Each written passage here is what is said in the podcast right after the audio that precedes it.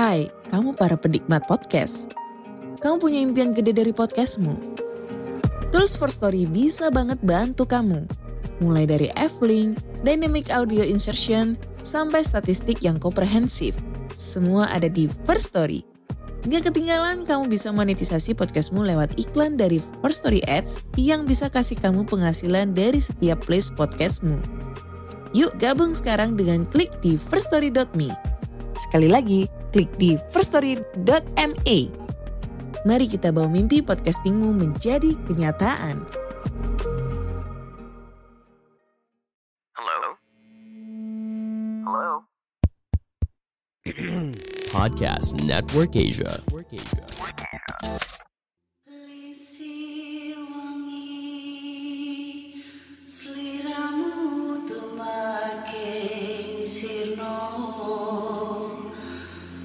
Japan.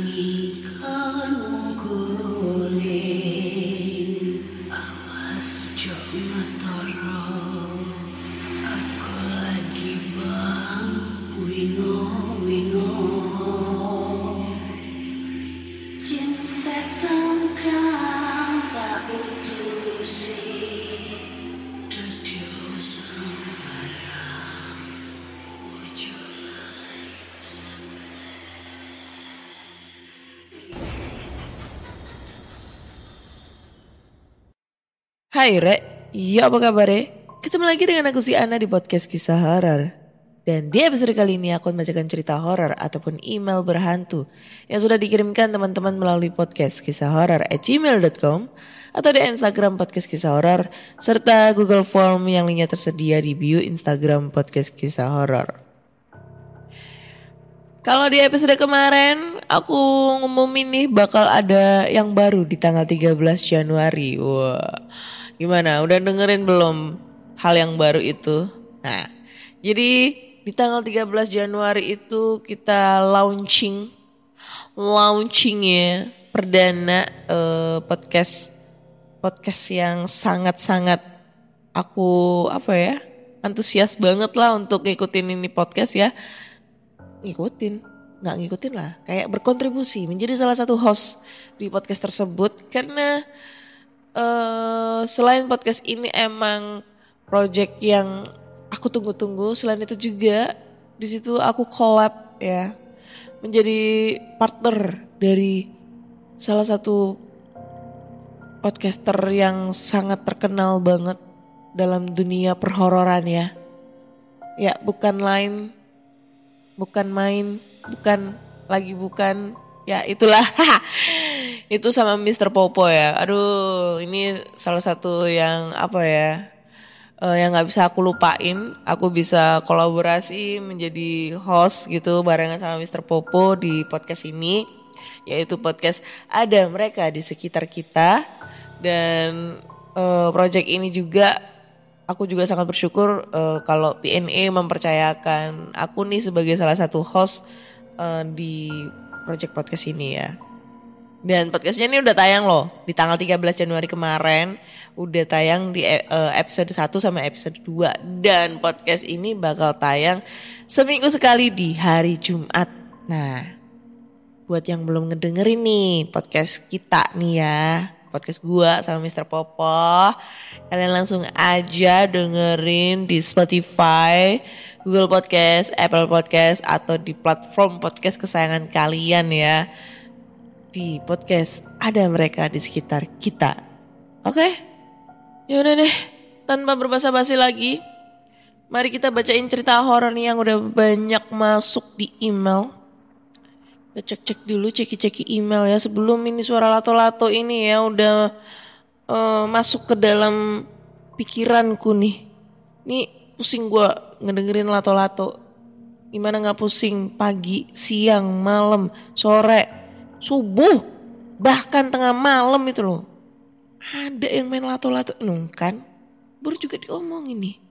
Nih gue udah dengerin ada anak main lato-lato. Ini jam berapa loh padahal ya? Nih pengen gue tandain nih anaknya gue sekap gitu ya. Gue uh, gue kas gue suruh ngedengerin lato-lato di deket kuping dia gitu gimana rasanya. Anjay. Sumpah gedek banget gue sama anak yang main lato-lato nih. Kayak nggak tahu waktu gitu loh. Aduh. Oke deh langsung aja kita bacain cerita horor ya daripada kita kesel nih ngedengerin lato-lato. Jadi kita baca ini. Cerita pertama ini datang dari Novi yang judulnya adalah Cerita Horor Taman Bermain. Hai Kana, hai pendengar podcast kisah horor. Kenalin aku aku Novi. Ini adalah cerita pertama aku. Dan sebenarnya cerita ini dialamin sama kakak aku. Jadi waktu itu kakak aku masih SD kelas 2. Waktu itu masih tinggal di desa yang penghuninya mayoritas beragama Hindu. Di sana juga ada sebuah pura kecil tempat sembayangnya orang-orang Hindu.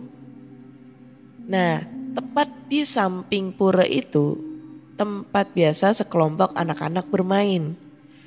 Karena di sana ada perosotan, ayunan, dan lain-lain.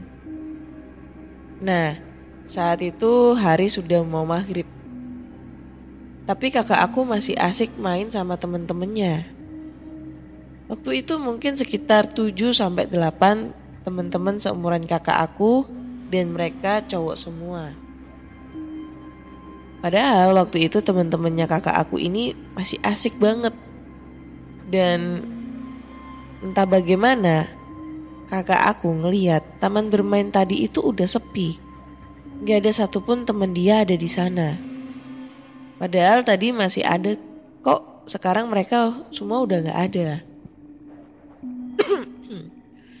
masih terheran-heran kakak aku celingak-celinguk cari teman-temannya tadi. Tapi nggak nemu. Bener-bener sepi suasananya di sana. Nah, pas kakak aku udah mau balik badan yang niatnya mau pulang. Dia ngeliat ada om-om duduk di ayunan. Kata kakak aku badan om-omnya ini besar, wanit warna kulitnya putih, tapi putihnya itu nggak wajar. Kayak putih pucat gitu. Karena dulu kakak aku masih kecil, jadi dia belum takut apa-apa. Dia juga belum bisa curiga sama orang.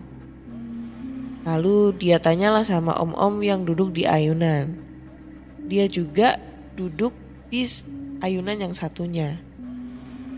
Dia nanya, Om, ada lihat teman-teman saya nggak pada ke mana? Tadi masih main di sini, tapi sekarang kok udah nggak ada? Om-omnya diem kan, nggak jawab, nggak ngapa-ngapain. Terus kakak aku juga nggak terlalu peduli. Karena lumayan lama dia duduk di ayunan dan teman-temannya juga nggak balik-balik. Akhirnya kakak aku bilang, Om, saya pulang dulu ya, udah malam. Pas kakak aku udah mau bangun dari ayunan, tiba-tiba om-omnya angkat kepala dan lihat langsung ke mata kakak aku dan bilang, hati-hati ya, sambil senyum. Hmm, suara motor berkumandang. Anjing lah. Lanjut, senyumnya itu bukan senyum biasa. Senyumnya itu mengerikan banget kata kakak aku. Kakak aku kaget, gak bisa gerak. Ada sekitar tiga detik baru kakak aku bisa teriak dan dia lari. Larinya kenceng. Dia gak berani nengok-nengok ke belakang lagi. Semenjak kejadian itu dia gak berani main sampai sore. Kalau sudah jam 4 dia langsung pulang ke rumah. Sekian cerita pengalaman horor ini. Maaf jika kurang berkenan dan gak horor-horor amat. Ya emang gak horor sih. Gak serem, gak horor, gak greget ya itulah pokoknya. Aduh. Nih gue mau julid. Ini ceritanya gak horor Kak Novi. Kenapa ya? Ya paling itu kan emang om-om. Maksudnya emang tetangga atau emang orang yang di sekitar situ lagi merenung gitu kan, lagi sedih, lagi galau gitu dia main ayunan di situ mungkin habis putus cinta. Terus dia cuma ya ya wajar lah dia ngomongin hati-hati ya dek. Ya emang wajar itu. Kan namanya juga udah maghrib gitu ya. Pasti dia kalau kalau lu pamitan sama orang pasti kan orang bakal ngomong hati-hati ya. Ya gue juga biasanya kayak gitu kali. Kalau gue pamitan sama orang pasti orangnya nyautnya hati-hati gitu. Dan mungkin nih mungkin teman-teman kakak lu itu pada ngerjain kakak lu gitu kan. Udah sore takut dimarahin sama emaknya. Aduh nyamuk. Akhirnya dia pulang tuh. Tapi emang sengaja nggak ngasih tahu kakak lu ngeprank ngeprank gitu. Gue udah sering kayak gitu. Gue di prank sama teman gue. Gue ditinggalin gitu kan. Emang zaman kecil gue tuh gue suka dibully. Apalagi kalau gue ditinggal pas sayang-sayangnya. Eh, sakit tuh. Sakit banget. Lebih sakit ini daripada pengalaman kakak lu. Heh. Tanda guys ya. Tapi ini kurang kurang greget ya Novi ya. Sorry banget nih. Coba dia tanya sama kakaknya. Ada cerita yang lebih greget gak? Yang lebih horor lagi gitu dari yang ini. Ya? Aduh, aduh dulu gak nyaman. Oke, lanjut ke cerita berikutnya ya. Karena cerita pertama ini tidak greget nih. Jadi langsung aja kita lanjut ke cerita berikutnya. Oke. Cerita berikutnya ini datang dari email lagi. Eh, judulnya adalah Pulang pergi naik angkot dari Malang ke kebun teh lawang habisnya bikin nangis. Panjang ya judulnya ya. Oke. Permisi Kak Ana, perkenalkan aku Zara. Mau sedikit cerita perjalananku ke kebun teh lawang Malang saat menjadi mahasiswa di Malang. Kalau tidak salah, hari itu satu minggu sebelum UAS. Bener-bener gila sebenarnya ya. Karena aku sama temen-temen Siah, Lian, dan Ara nekat pergi ke kebun teh akib- akibat penasaran. Berangkatnya pun setelah kami melaksanakan sholat zuhur dan bersiap diri. Sekitar pukul 13 lewat 20, aku dan teman-teman berangkat dari Malang dengan naik angkot. Maklum itu tra- transportasi termurah buat anak kosan alias hemat. Oh ya, angkotnya per orang itu 4000 rupiah. Nanti kita total di akhir ya. Nggak penting. Karena angkot Malang hanya bisa sampai di jembatan layang. Kami pun oper untuk naik angkot yang arah ke Lawang. Nah harganya lumayan, yaitu 7000 rupiah. Kalau di angkot pertama tadi kami duduknya tidak berdesak-desakan. Maklum, di kota Malang lebih enak pakai ojek online. Jadinya penumpang angkot agak jarang kalau hari efektif.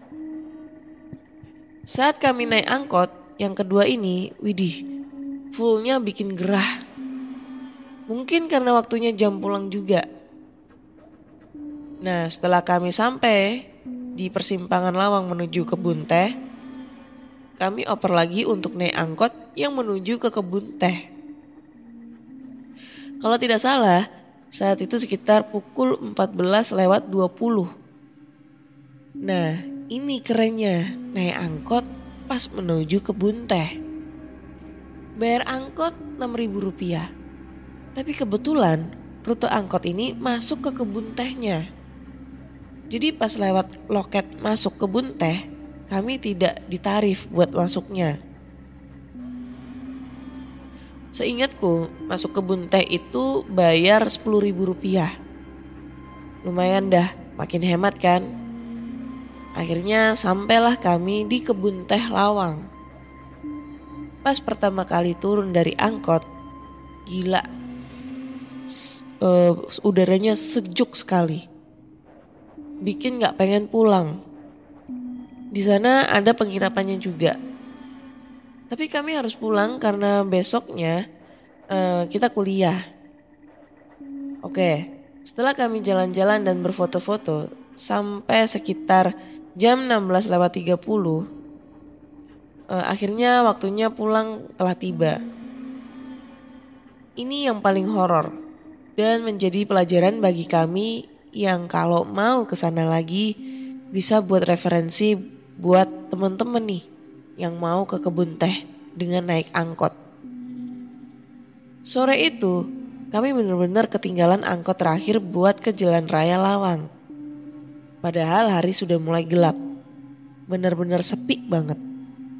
Dan paling menyedihkan, kami berempat cewek semua. Handphoneku pada saat itu tidak ada sinyal buat minta pertolongan. Setidaknya buat pesan mobile mobil online. Sedangkan HP teman ketigaku baterainya sudah pada habis. Jadi pupus sudah kami terjebak di kebun teh. Setelah 15 menit kami menunggu di musola, sujud syukur ada pegawai kebun teh yang baik menghampiri kami. Ia pun bertanya pada kami, Tadi naik angkot ya mbak? Angkot ke arah Lawang terakhir jam 3 tadi. Kalau di atas jam 3 sudah tidak ada. Mendadak auto panik kami semua. Takut tidak bisa pulang, kemudian pegawai tersebut menawari tumpangan untuk kami dan meminta bayaran seikhlasnya. Langsung kami iakan. Datanglah tiga warga sekitar kebun teh yang juga menjadi relawan bagi kami. Berangkatlah kami menuju jalan raya Lawang. Kami bersyukur akhirnya bisa pulang. Setelah itu kami naik angkot dua kali atau sama seperti keberangkatan awal tadi. Sekitar pukul 18 lewat 45 sampailah kami di Malang.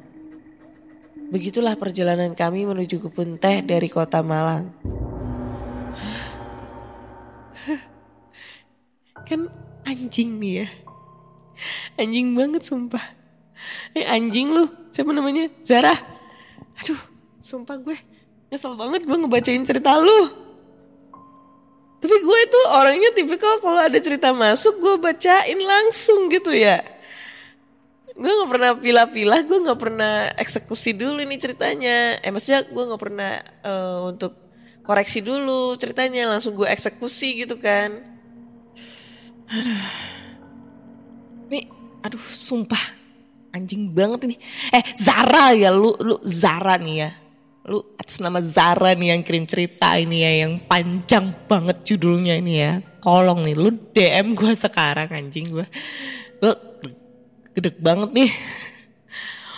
Lu ngirim cerita apaan anjing? Ini bukan cerita horor. Ini ini maksudnya bukan cerita horor ketemu hantu. Ini cerita horor lu nggak bisa pulang itu horornya ya. Ini bukan cerita lu ketemu hantu gitu di kebun teh. Gue ekspektasi gue itu lu ketemu, aduh pilek sampean, ketemu setan gitu ya di kebun teh gitu. Ini bukan, lu nggak bisa pulang lu, cuma karena ketinggalan angkot. Nah, anjay nih. Aduh, lucu nih Zara. Nih, besok ya lu DM gua, gua kasih hadiah nih giveaway, giveaway, giveaway dah. Pokoknya Zara lu DM gua lah, pokoknya lu awas lu kalau nggak DM gua nih. Aduh.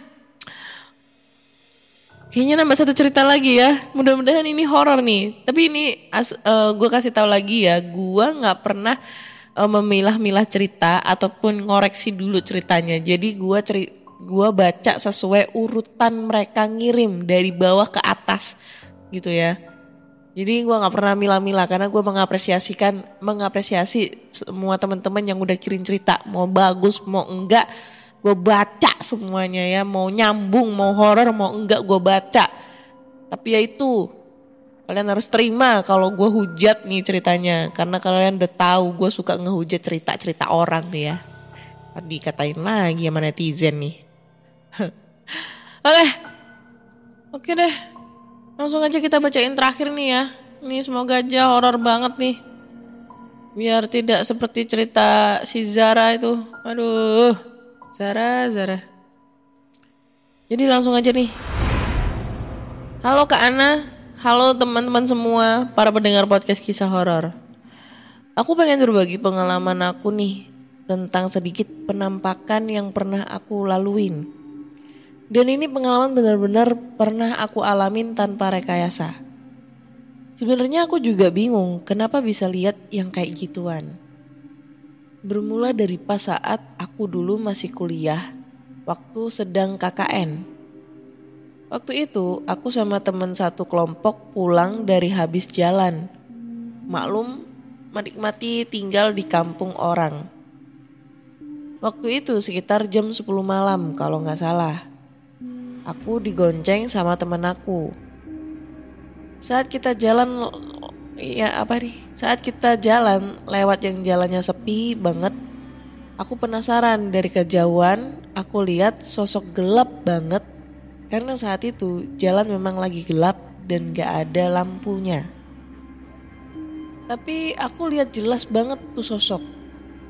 Sekitar 50 meter dari posisi motor yang sedang jalan.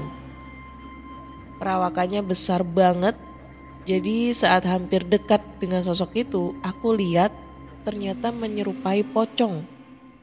Kain kafannya itu kotor, penuh dengan bercak lumpur, terus mukanya hancur banget. E, seperti hancur dan penuh luka kayak habis dibakar gitu. Hmm. Dan matanya merah menyala kayak api merahnya. Mungkin selama ini yang kita lihat di TV jauh beda yang pernah aku lihat. Cuma mungkin yang sama itu yang pakai kain kafan. Pas sampai aku cerit eh pas aku, pas sampai aduh gak ada tanda bacanya lagi nih. Pas sampai aku belum cerita ke temen aku. Takut mereka pada ketakutan. Jadi setelah dua hari kejadian baru aku cerita kalau kemarin aku lihat pocong di jalan. Kemudian pengalaman kedua aku kebetulan terjadi di rumah kakak aku. Doi baru beli rumah itu rumah yang terbuat dari kayu ulin. Kata warga setempat, emang rumah yang ditinggal kakak aku itu horor banget. Jadi saking horornya para penjual bakso nggak mau jualan lewat tempat kakak aku tinggal waktu malam Jumat karena mereka para penjual sering melihat sosok wanita putih keluar masuk tengah malam di rumah kakak aku.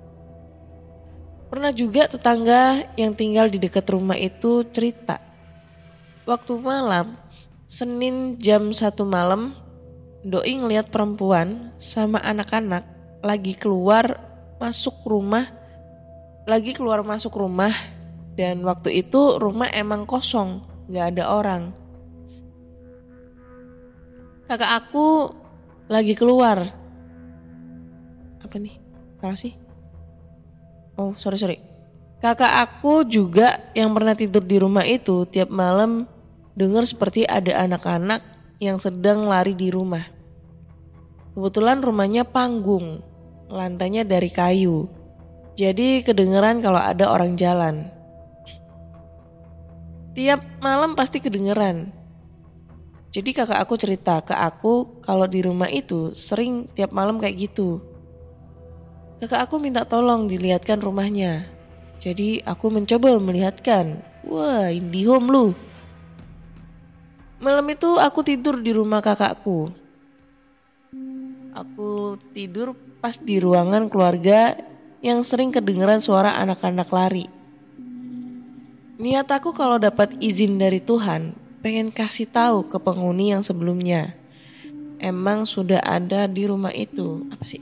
Pengen tahu, pengen kasih tahu ke penghuni yang sebelumnya emang sudah ada di rumah itu.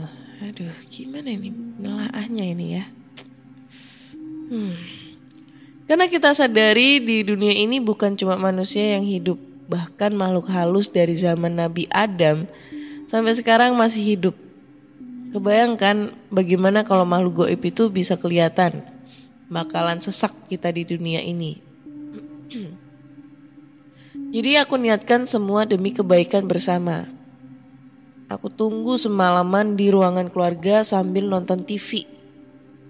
Sampai sekitar jam 3, Aku pikir mungkin belum dapat izin nih. Jadi aku matikan TV buat istirahat. Gak lama itu aku ngeliat semua makhluk yang ada di rumah itu. Dari kesimpulan aku sih mereka satu keluarga. Yang pertama aku temui itu anak kecilnya, jadi aku ngobrol dan bicara sama anak kecil itu. Aku bilang, tolong jangan diganggu ya orang rumah ini. Kasian, mereka nggak tahu.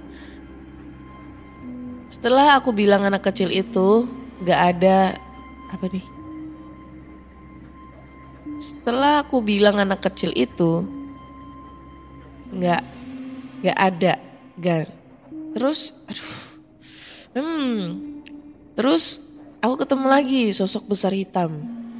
Besarnya serumah kakak aku, sekitar 5 meter kalau nggak salah. Soalnya eh, makhluk bungkuk apa nih? Soalnya makhluknya bungkuk di rumah itu. Kalau berdiri nggak bakalan kelihatan rupanya.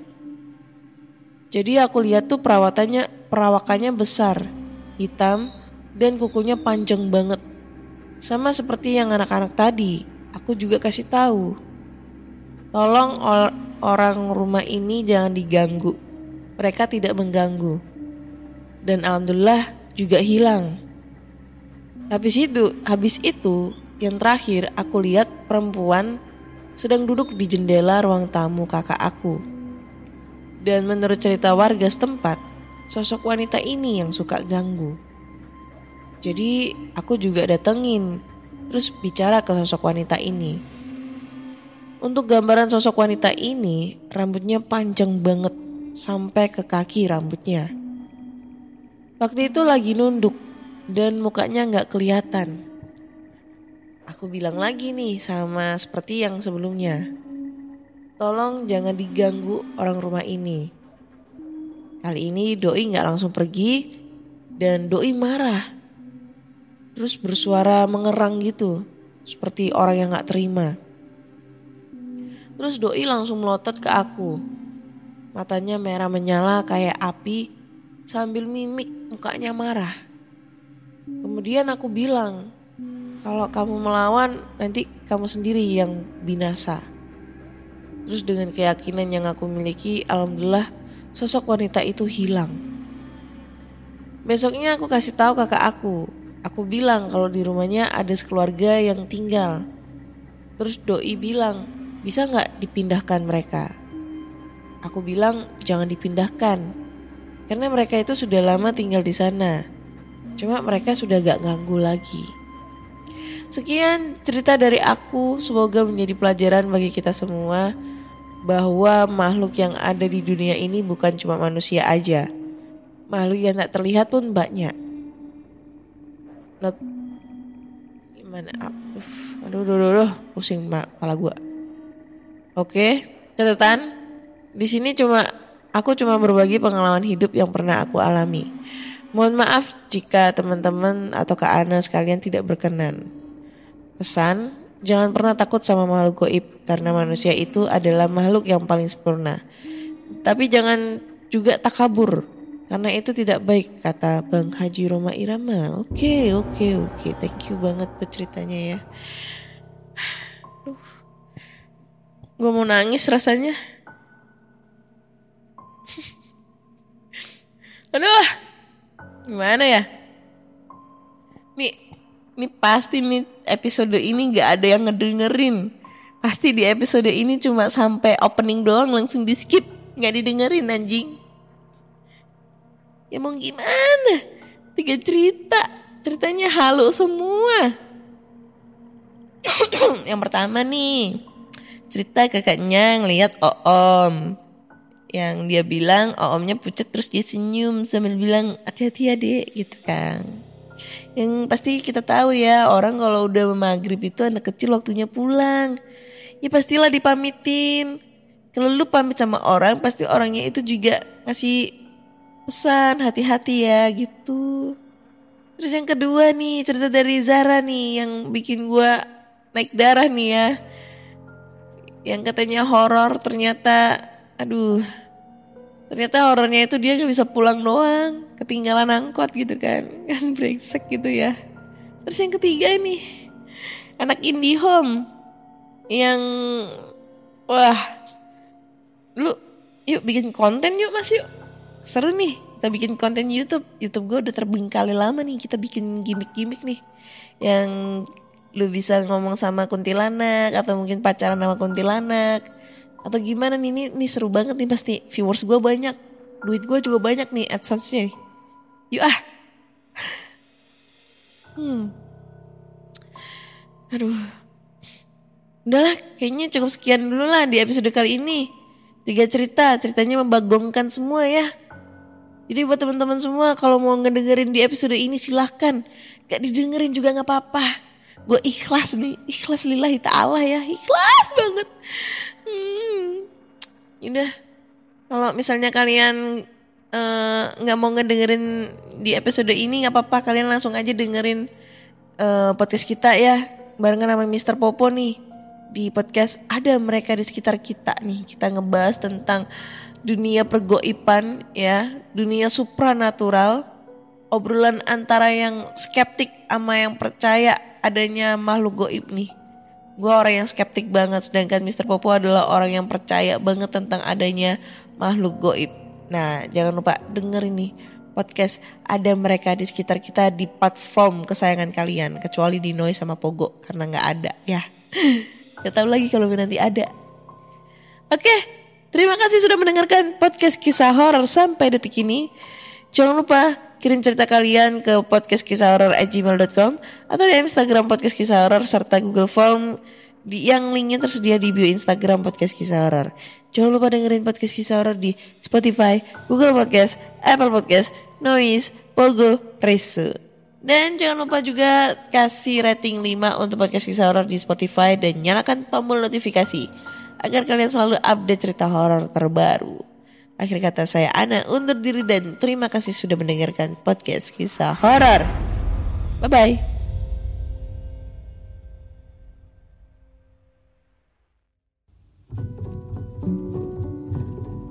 Pandangan dan opini yang disampaikan oleh kreator podcast, host, dan tamu tidak mencerminkan kebijakan resmi dan bagian dari podcast Network Asia. Setiap konten yang disampaikan mereka di dalam podcast adalah opini mereka sendiri dan tidak bermaksud untuk merugikan agama, grup etnik, perkumpulan, organisasi, perusahaan, perorangan, atau siapa pun dan apa pun.